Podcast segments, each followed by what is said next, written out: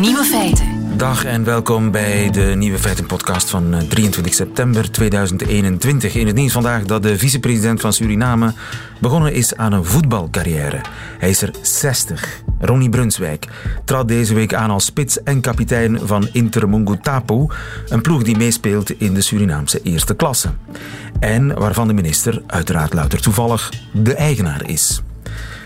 Hoe ging de wedstrijd wel opvallend goed? De ploeg verloor weliswaar, maar met amper 6-0. En de minister werd pas in de 54ste minuut wegens back-off gewisseld. Helaas werd hij na afloop in de kleedkamer van de tegenstander betrapt bij het uitdelen van geld aan de spelers. Laat dit vooral Mark Koeken niet op ideeën brengen. De andere nieuwe feiten vandaag. Het UZ in Gent voert een onderzoek naar open relaties. In Friesland is er een reservaat voor bedreigde appels. Uw hartslag loopt op dit ogenblik synchroon met die van andere luisteraars van deze podcast. En vriendschappen hoeven niet altijd gered te worden, vindt Rika Ponet. De nieuwe feiten van Nico Dijkshoorn, die hoort u in zijn middagjournaal. Veel plezier.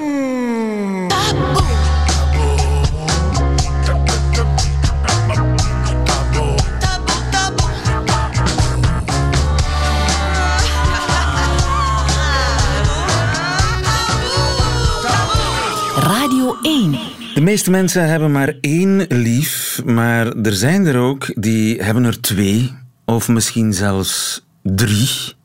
En naar die mensen is Els Elout op zoek. Goedemiddag, Els.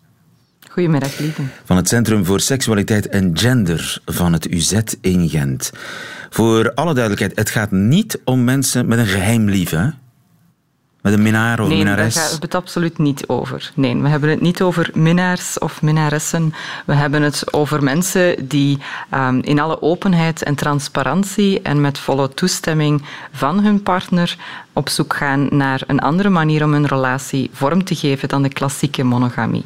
En dat zijn mensen met z'n drieën bijvoorbeeld, een ménage à trois, zoals dat uh, traditioneel heet. Bijvoorbeeld, dat is het uh, meest voorkomende beeld dat daarvan bestaat. Maar er zijn uiteraard heel veel verschillende varianten, veel te veel om op te noemen. Um, die verschillende Noem er toch eens een paar hebben... op, want ik wil, om ja. daar een beeld van te krijgen, kun je ook met, met mm -hmm. z'n vieren zijn en het dan onderling dan maar doen? Of, of hoe, hoe, hoe moet ik me dat allemaal voorstellen? Bijvoorbeeld, er zijn mensen die starten vanuit een, een monogame relatie en ondervinden dat dat niet helemaal hun ding is en dan uh, ofwel elk apart een andere partner um, een relatie daarmee aangaan om daarin andere behoeften te vervullen. Um, dat kan zowel seksueel zijn, relationeel zijn. Um, dus het hoeft niet alleen een ménage à trois te zijn. Twee partners in een primaire relatie kunnen prima elk uh, hun eigen contacten erop nahouden en die partners kunnen potentieel ook weer hun eigen relaties aangaan. Dus het kan soms wel complex worden. En, maar vertrekt dat niet altijd vanuit een tekort? Dat is het idee dat daarover bestaat. Um, dat deze mensen, dat er iets mis zou zijn of dat zij iets verkeerd in hun relatie zouden gaan doen. Terwijl als seksuologen kijken we daar een beetje anders naar. Daar um, komt heel vaak het maatschappelijk taboe, onze spreekkamer, naar binnen. En daar werken wij heel vaak mee. En wij hebben toch vooral de indruk dat die mensen, en studies ondersteunen ons daar trouwens in, in dat idee, dat deze mensen vooral botsen tegen een maatschappelijke norm waar ze niet helemaal in lijken te passen of niet in lijken te mogen passen. Um, maar mensen gaan vaak vooral op zoek naar een manier waarop relaties voor hun kunnen werken. Want als we er even bij stilstaan, onze maatschappij vraagt wel heel veel van die ene partner? Een, beste vriend, een heel goede minnaar, um, pedagogisch op dezelfde lijn zitten, misschien nog samen werken. Het is een beetje ja, misschien naïef om te denken dat één partner al die behoeften kan invullen. Ja, we willen alles in één. Een totaalpakket. En dat is niet altijd makkelijk te vinden. En dan zijn er mensen die ja, voor, voor het avontuur en de spanning of voor, voor, het, voor het sportieve dat ze verkiezen bijvoorbeeld, hebben ze, hebben ze een lief dat heel sportief is. Maar ze, ze, gaan ook, ze, ze, zijn ook graag, nou, ze gaan ook graag naar de opera. En daar, daarvoor dient lief nummer twee of zoiets. Ik zeg het nu heel schematisch natuurlijk, maar daar komt het mm -hmm. uiteindelijk op neer. Niet iedereen kan alles zijn voor iemand, dus je verdeelt het een beetje. Klopt. En mensen kunnen door die ervaring soms ook stukken van zichzelf ontplooien of, of als mensen een stukje in groeien waar je misschien um, dat niet altijd kan als je alles verwacht van die ene partner um, en een stukje gaat aanvaarden, waar op zich natuurlijk niks mis mee is, hè, maar dat die partner dat niet altijd invult. Ja. Ik dacht altijd, het probleem met dat soort relaties is dat er altijd een winnaar is en een verliezer. Heel vaak. Dat er altijd iemand is die, ja, die er een beetje bij hangt. Er is altijd een, een vijfde wiel of een derde wiel aan de wagen. Nee? Want ja, wat doe je met kerst bijvoorbeeld? Of, of verjaardagen? Dan, dan komt de waarheid naar boven. Zo van, ja, ik ben dus eigenlijk maar nummer twee. Ja, niemand zegt natuurlijk dat het geen planning of organisatie of communicatie vraagt. En veel mensen hebben misschien al het gevoel van, goh, in een monogame relatie vraagt dat al heel wat. En zeker inderdaad ook als je een gezin hebt en bij de werkt en dergelijke meer.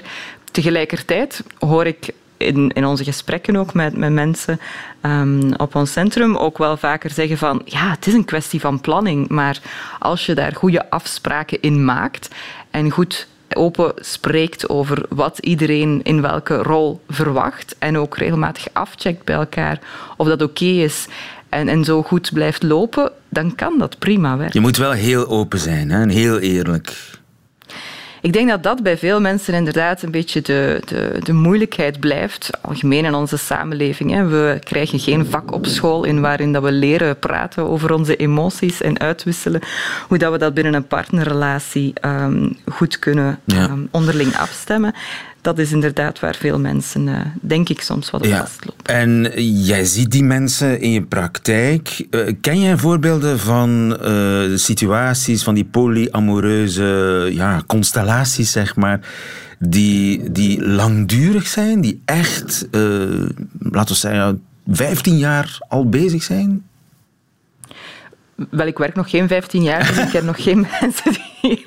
Maar uh, inderdaad, ja, ja, absoluut. Er zijn zeker relaties die, die langdurig uh, kunnen blijven werken. Dat zijn zeker niet um, tijdelijke, tijdelijke situaties, overgangssituaties. Ja. Dat, dat ja. Want dat, dat denk je vaak, hè, dat dat het is. Dat, mm -hmm. Het is een tijdelijke situatie, maar hoe dan ook, ja, evolueer je toch naar die traditionele monogame relatie vroeg of laat dat is onze maatschappelijke norm, maar uh, het is denk ik duidelijk dat niet iedereen zich daarin vindt of daar nood ja. aan heeft. En dat is eigenlijk jouw basisfocus, want kennelijk is niet zozeer het, het probleem onderling en de afspraken en de gekwetste gevoelens onderling, maar de maatschappelijke norm uh, de, waartegen die mensen aanbotsen. Hoe, hoe moet ik mij dat voorstellen? Want men, de mensen moeien zich daar kennelijk mee. Ja, dat is vaak een beetje de rode draad in, in de consultatieruimtes bij seksuologen. Hè. Mensen, wij zien eigenlijk niet zozeer altijd mensen met een individueel of een relationeel probleem. Wij zien vooral heel veel mensen die botsen tegen een maatschappelijke norm en die maatschappij komt een beetje onze gesprekken mee naar binnen. Um, Mag je daar eens een voorbeeld van? Ja, inderdaad. Ja, als we aan situaties denken waar, waar bijvoorbeeld um, verschillende mensen in een bepaalde um, relatieconstellatie zitten, in een polyamoreuze relatie zitten, en daar komt bijvoorbeeld een, uh, een kind in die relatie en, en onderling vinden die prima hun, uh, hun rolverdeling, maar dan is er een oudercontact hoe ga je naar het school van je kind? Hoe leg je dat uit? Um, ik denk dat er op dat moment in, in vele scholen nog altijd wel wat wenkbrauwen gefronst zou kunnen zijn. En dat is bijvoorbeeld dan een moment voor zo'n. Uh, bedoelt als je daar met z'n drieën arriveert op het oudercontact? Bijvoorbeeld, ja hoe los je dat dan op? Want daar bots je tegen een verwachting, een norm, een, een taboe. Um, en daar moet je dan mee om kunnen, elke keer opnieuw. Ja, en ik denk ook aan die kinderen zelf op school. Ja, ik heb een mama en twee papa's, bijvoorbeeld. Ja, opnieuw, eigenlijk als, als kinderen in zo'n situatie opgroeien, hebben ze, net als dat, dat bij holibi-koppels uiteraard net hetzelfde is. Hè. Het zijn meestal niet uh, de kinderen zelf die daar grote moeilijkheden mee hebben. De kinderen hebben meestal vooral last van de samenleving die reageert op hoe hun gezin eruit ziet. Ja, holibies, daar zeg je zoiets. Die moeten de liefde wat meer uitvinden ook en de relatie vormen. Zie je daar meer experimenten?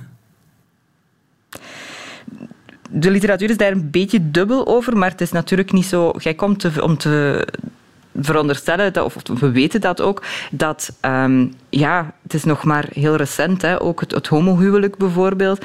Dus uh, holibies hebben natuurlijk ook veel langer mogen of moeten zoeken naar hoe zij hun relaties vormgaven buiten de maatschappelijke constellaties die er bestonden, want daar pasten zij lang niet in. Dus dan denk ik dat het niet zo heel gek is um, dat in die groep er ook erg gezocht wordt. Um, maar of het nu inderdaad echt vaker voorkomt, dat is iets wat wij nu uh, met onze studenten willen gaan onderzoeken. Ja, jullie hebben een vragenlijst. Uh, jullie willen 5000 mensen vinden die in dat soort niet-traditionele relatievormen zitten ook, maar we zijn eigenlijk op zoek ook naar um, de modale Vlaming. Eigenlijk kan elke Vlaming die 18 plus is en een computer in de buurt heeft, deze korte survey invullen. Want wij willen niet alleen kijken van um, hoe het gesteld hoe het werkt, is in deze maar, maar ook hoe, hoe, va hoe vaak het voorkomt.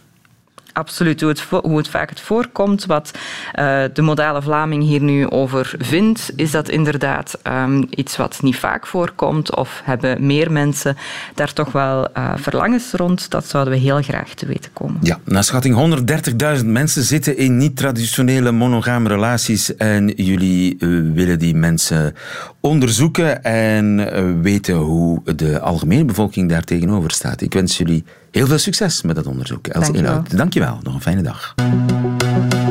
Radio 1. Nieuwe feiten. Het is niet uw hartslag die u hoort, maar ik kan u wel iets vertellen over uw hartslag, namelijk dat die op dit ogenblik synchroon loopt met alle andere luisteraars. Jelle de Manet, goedemiddag. Goedemiddag. Ik schrok ervan, van het resultaat van dat boeiende experiment gedaan door onder meer mensen van het Paris Brain Institute. Namelijk dat hartslagen van mensen die naar hetzelfde verhaal luisteren, dat die synchroon eh, lopen. Ja, inderdaad. Dus in dit onderzoek is inderdaad mooi aangetoond dat als mensen hetzelfde verhaal aan het volgen zijn, dat hun hartslag na een eindje begint te synchroniseren. En moeten die mensen in dezelfde ruimte zitten? Nee, dat mag, hè, maar het, dat hoeft het, gaat eigenlijk vooral... nee, het hoeft niet. Het gaat over hetzelfde verhaal echt volgen. En zijn dat dan hele spannende verhalen of hele triestige verhalen?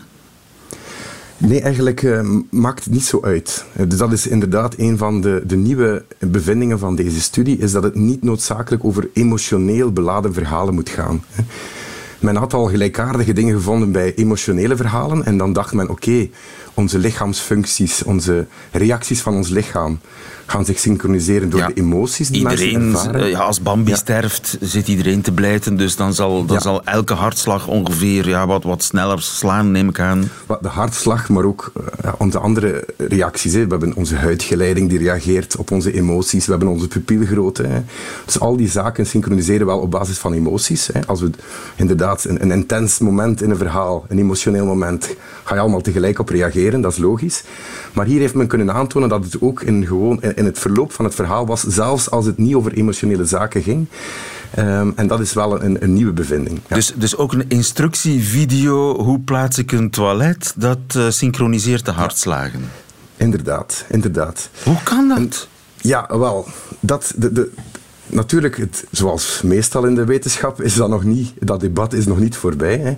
De onderzoekers geven eigenlijk aan van oké, dit is iets nieuws, hè, want het toont aan dat ons lichaam ook reageert op het inbeelden van gedrag. Hè. Als wij een verhaal volgen, en wij zijn echt geëngageerd in dat verhaal. We, zijn, we laten ons meeleiden in een verhaal, zelfs in een instructievideo. Dus als we aandacht hebben voor het verhaal, wat we willen iets bijleren, gaan we eigenlijk onbewust gedrag gaan voorbereiden. We gaan ons, we gaan ons gedrag eigenlijk trachten aan te passen aan dat verhaal. Bijvoorbeeld als er gezegd wordt, de persoon loopt naar, naar een auto bijvoorbeeld in een verhaal. Misschien geen goed voorbeeld, maar eh, dan ga je dat ook gaan inbeelden. Dus gaat je lichaam zich ook gaan inbeelden dat dat gedrag uitgevoerd wordt. Hè. Okay. En zij gaan dat eigenlijk gaan uh, dat als reden gaan geven waarom dat ons lichaam ook reageert en dat dat dan ook bij iedereen die het verhaal aan het volgen is op dezelfde manier reageert. Dus dat zijn minimale dat wisselingen in, in de hartslag, in het ritme? Ja, minimale... En, en het, het hele interessante van deze studie is... De, we weten dat ons, ons, ons lichaam reageert op, op, op zaken, maar de, de, de gangbare opvatting is dat dat vooral, en uit, uit zon, enkel door het autonoom zenuwstelsel gebeurt. Hè.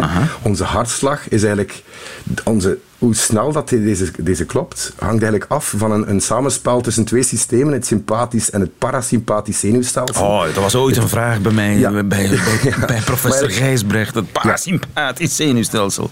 Dus dat is het ja, dus autonome... het sympathisch zorgt er eigenlijk voor dat we kunnen snel kunnen reageren op gevaar of op iets dat we willen hebben. Dat laat ons toe om snel eigenlijk resources vrij te maken uit ons lichaam om snel te kunnen reageren.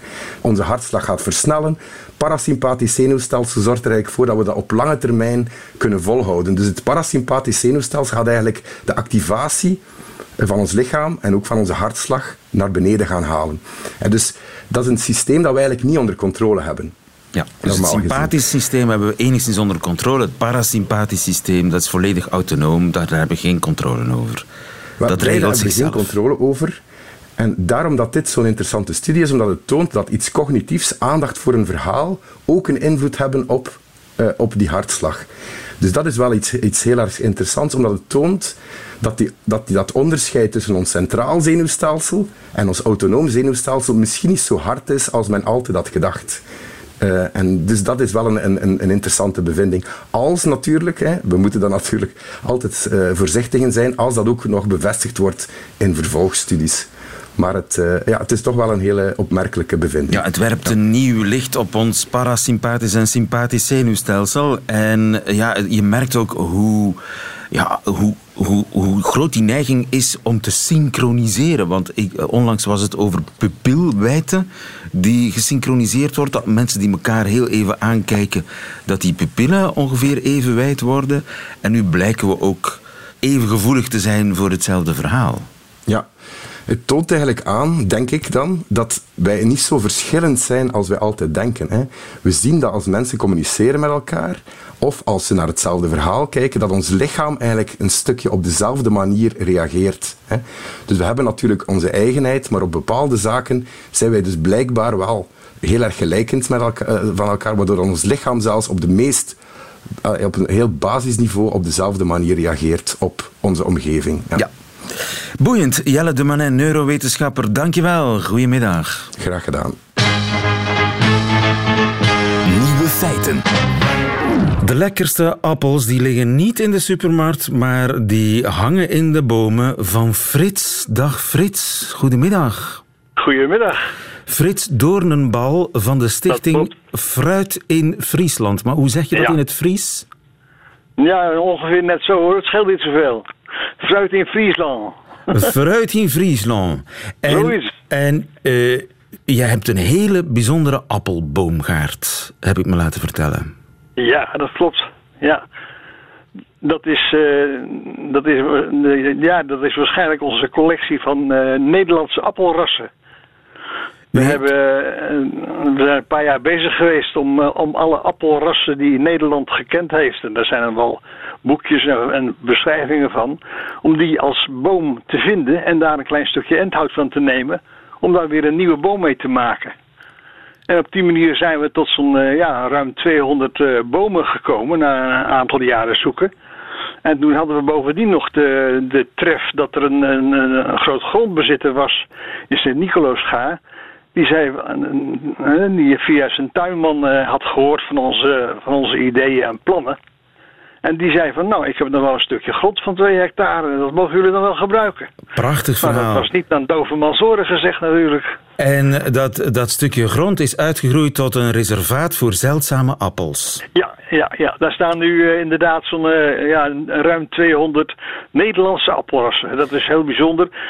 En u heeft u soms uh, in, in boekjes en oude publicaties moeten gaan zoeken. Ja, dat is, daar, daar, begint het ook wel een beetje mee. Hè? Dat is ook een deel van de sport hoor, die uh, verzamelen van die oude boeken die er haast niet meer zijn. En dan heb je bijvoorbeeld, uh, noem eens wat, de dubbele bellefleur of het herfstgoud. Ja, ja, herfstgoud. Dan weet je dat dat, dat bestaat. Een, dat is een Nederlandse appel. En, en, hoe ga je dan voor de rest verder op zoek als je, als je eenmaal nou, je weet... Ja, er zijn, uh, er zijn meer van die. Uh, er, zijn, uh, ja, er zijn meer mensen die zich met fruit bezighouden. En ja, als die dat net zo intensief doen als, als de meesten, dan kennen ze elkaar ook wel. En dan is het tegenwoordig met, met e-mail en noem het allemaal op. Erg eenvoudig om, heeft ja, voordelen. om, om informatie uit te wisselen. En, en, daar blijft het dan niet bij, want als je weet dat, dat je buurman ergens of je collega in, in, in Zwitserland die en die appel appelboom heeft en jij niet. Nou, dan moet het wel gek gaan wie daar niet een klein stukje, een klein takje van krijgen, waar je het er zelf weer mee kunt maken. En met dat ene kleine takje, die kun je dan enten en dan krijg je een nieuwe appelboom. Zijn, dat, zijn dat eh, door de band mooie grote bomen of zijn dat van die, ja, zielige kleine boompjes? Nou, dat, is, uh, dat is een uh, tak van sport op zich. kijk, als je een pit zou zaaien, dan wordt dat uh, in, in, in, de meeste gevallen een, een grote boom, een hoogstamboom, die echt groot kan worden. En als je nou bij de, bij de fruittekelen gaat kijken, die zegt ja, maar ik heb mijn, mijn bomen zijn nooit meer als, uh, nou hoe is dat, 1,50 meter. Ja. Dus daar kan ik lopend langslopen en plukken en laten plukken. Dus die worden zo gekweekt om de, om de, om de appels makkelijk te laten plukken natuurlijk. Ja, daar is ook de basis een onderstam. Maar die onderstam die heeft bepaalde groeieigenschappen. En je kan ze in verschillende ja, ja uh, mogelijkheden kopen. je dus... kan zeggen, ik wil, ik wil een boompje hebben dat, uh, dat klein blijft.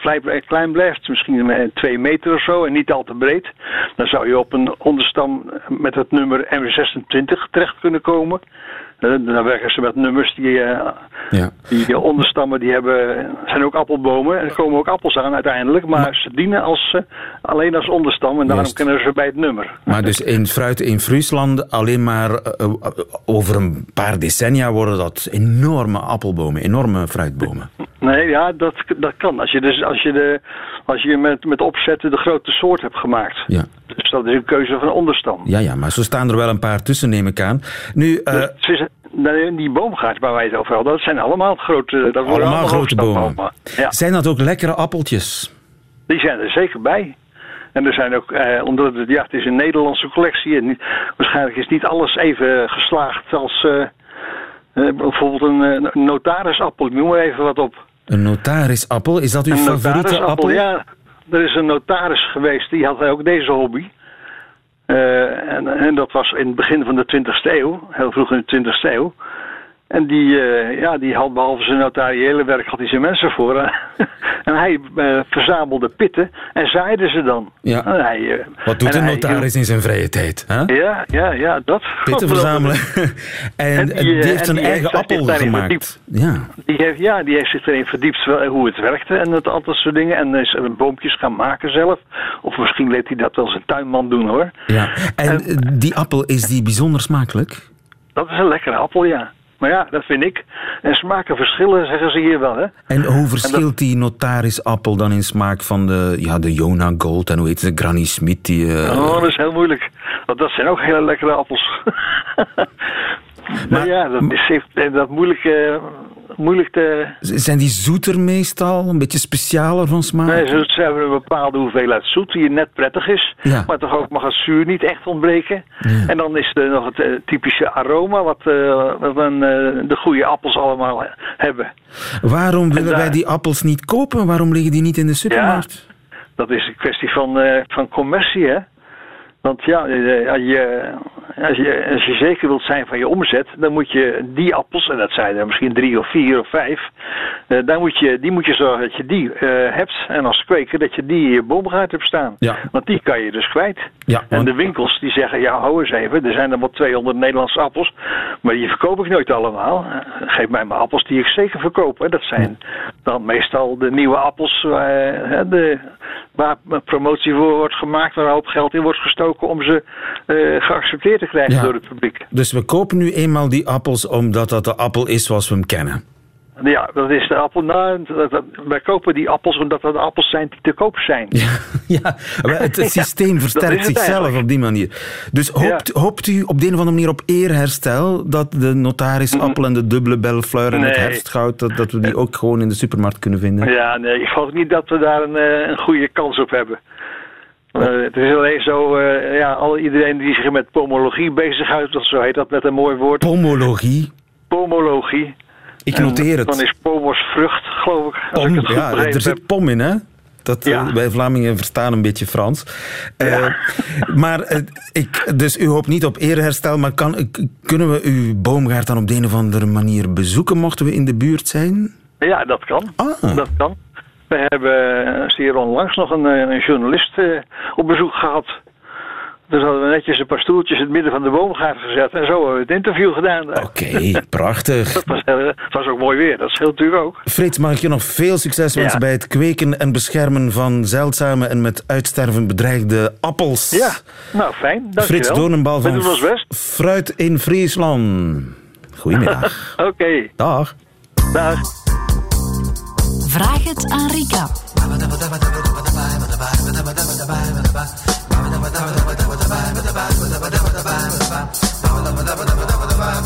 Rika Ponet, goedemiddag. Goedemiddag, lieven.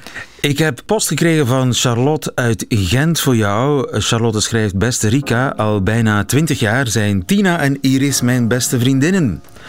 Dit jaar worden we alle drie 30 en daar heeft Tina het moeilijk mee. Ze wordt kwaad als we erover beginnen.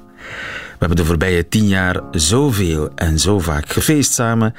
En geen van ons drieën was bezig met huisje, boompje, beestje. Maar zowel Iris als ikzelf vonden toevallig de ware Jacob en zijn de voorbije jaren getrouwd. Ook Tina had een lief, maar dat is vijf jaar geleden afgesprongen. En sindsdien is ze single gebleven. Tina wou altijd veel kinderen en dacht dat ze tegen haar dertigste wel van de straat zou zijn of weer samen met die ex. Maar hij heeft intussen trouwplannen met iemand anders. Als we haar zeggen dat ze nog zeven van tijd heeft, dan wordt ze heel kwaad en roept ze makkelijk gezegd als je zelf getrouwd bent. Wat kunnen we doen om onze vriendschap te redden? schrijft Charlotte uit Gent. Goeie vraag. Um, heel goede vraag. Ja, wat ik daar dan zo direct als gevoel bij heb, is... Um, ja, kan je dat eigenlijk, een vriendschap redden? Ik denk... Um, vriendschappen in ons leven, ook al is dit nu al een vriendschap van 20 jaar, die, die komen en gaan een beetje. Hè. Daar is ook al wel wat onderzoek naar gebeurd.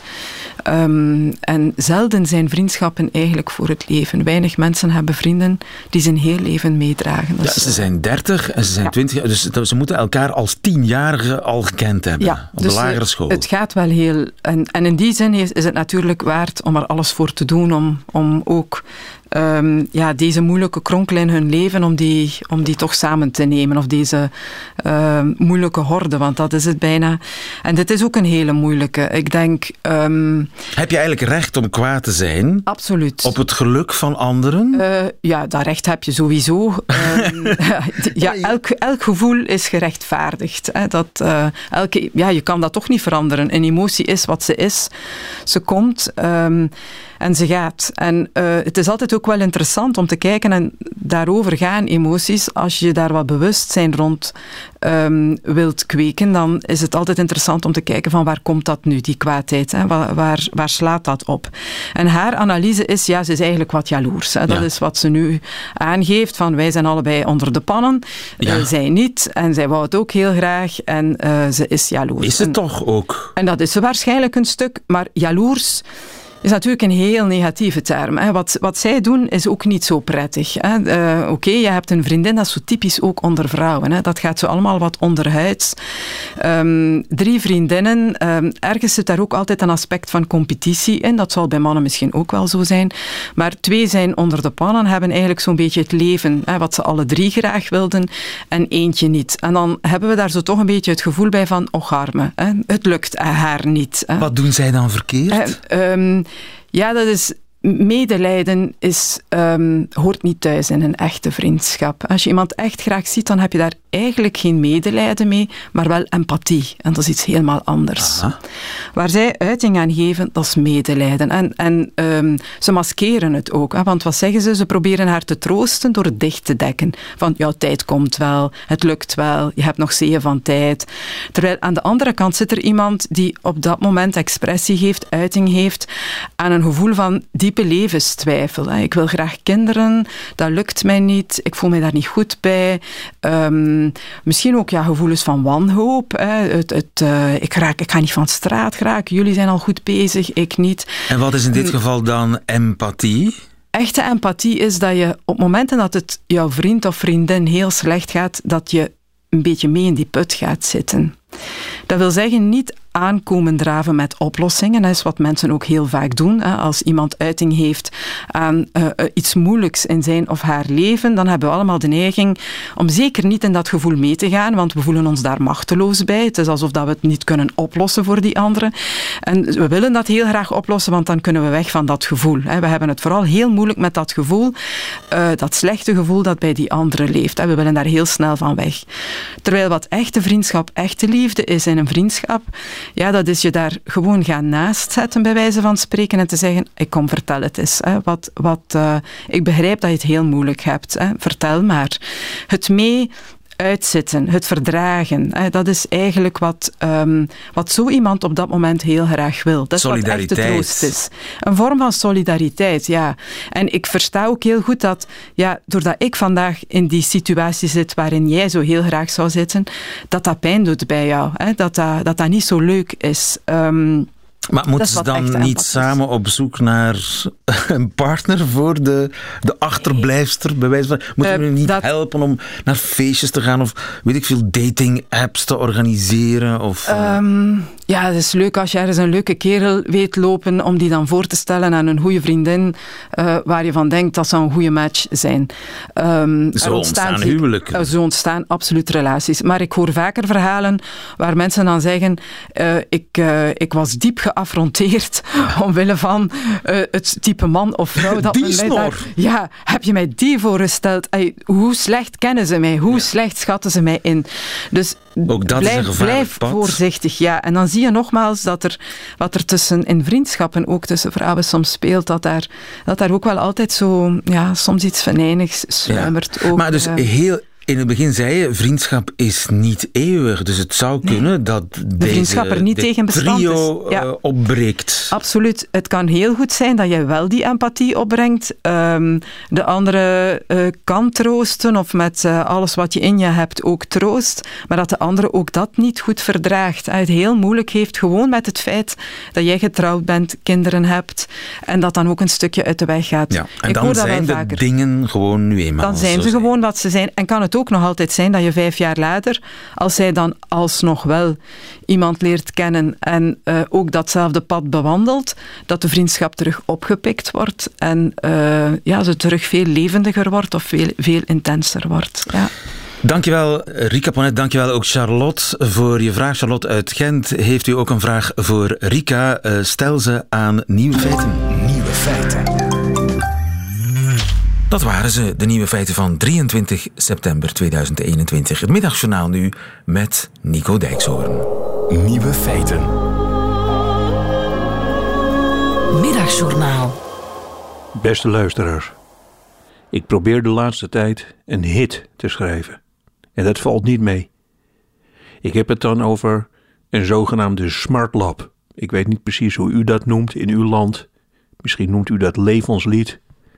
Maar hier in Nederland gebruiken we het woord smart lab. Je moet dan denken aan een liedje waarin iemand onverwacht doodgaat, het verkeerde cadeau krijgt voor zijn verjaardag, het graf van zijn ouders vindt in een ver land of gewoon omdat de partner van de zanger heeft geslapen met een ander. Het gaat al heel snel verkeerd wanneer je niet oppast. Zingen over het mislukken van een stoofschotel, dat mag wel, maar dan is het geen smart lab. Je zou kunnen zingen over suddervlees en dat je dat maar een kwartier hebt laten sudderen en dat je dan met een bonk taai vlees in je mond zit. En dan dat je zegt, dit is een smartlap, maar dan wordt het meteen weer cabaret. Cabaret, luisteraars, dat is trouwens heel makkelijk te herkennen. Als iemand op een podium staat en achter iedere zin zegt, ken u dat mensen? Dan is het cabaret. Die kunstvorm, die behandel ik een andere keer. Ik heb dus geprobeerd een smartlap te schrijven die zich afspeelt in de truckerswereld.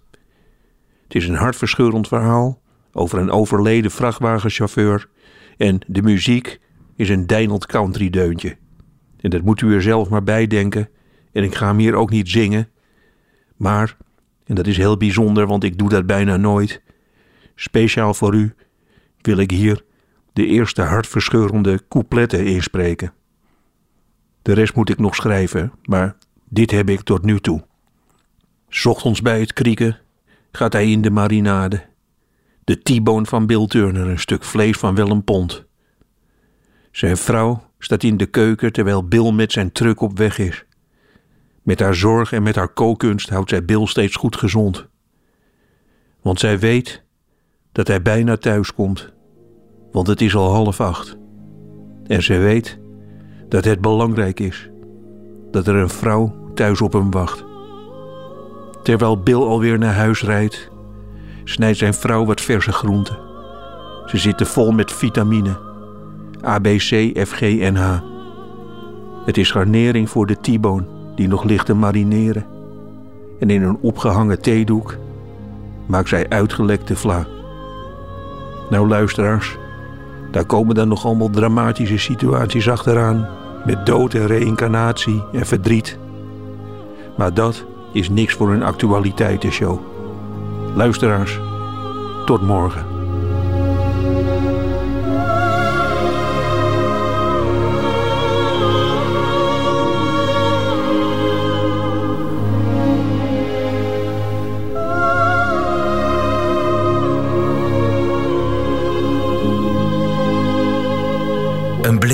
Achter de schermen in de interne keuken van een hitfabriek. Nico Dijkshoorn in het middagjournaal. Einde van deze podcast hoort u liever de volledige nieuwe feiten met de muziek erbij.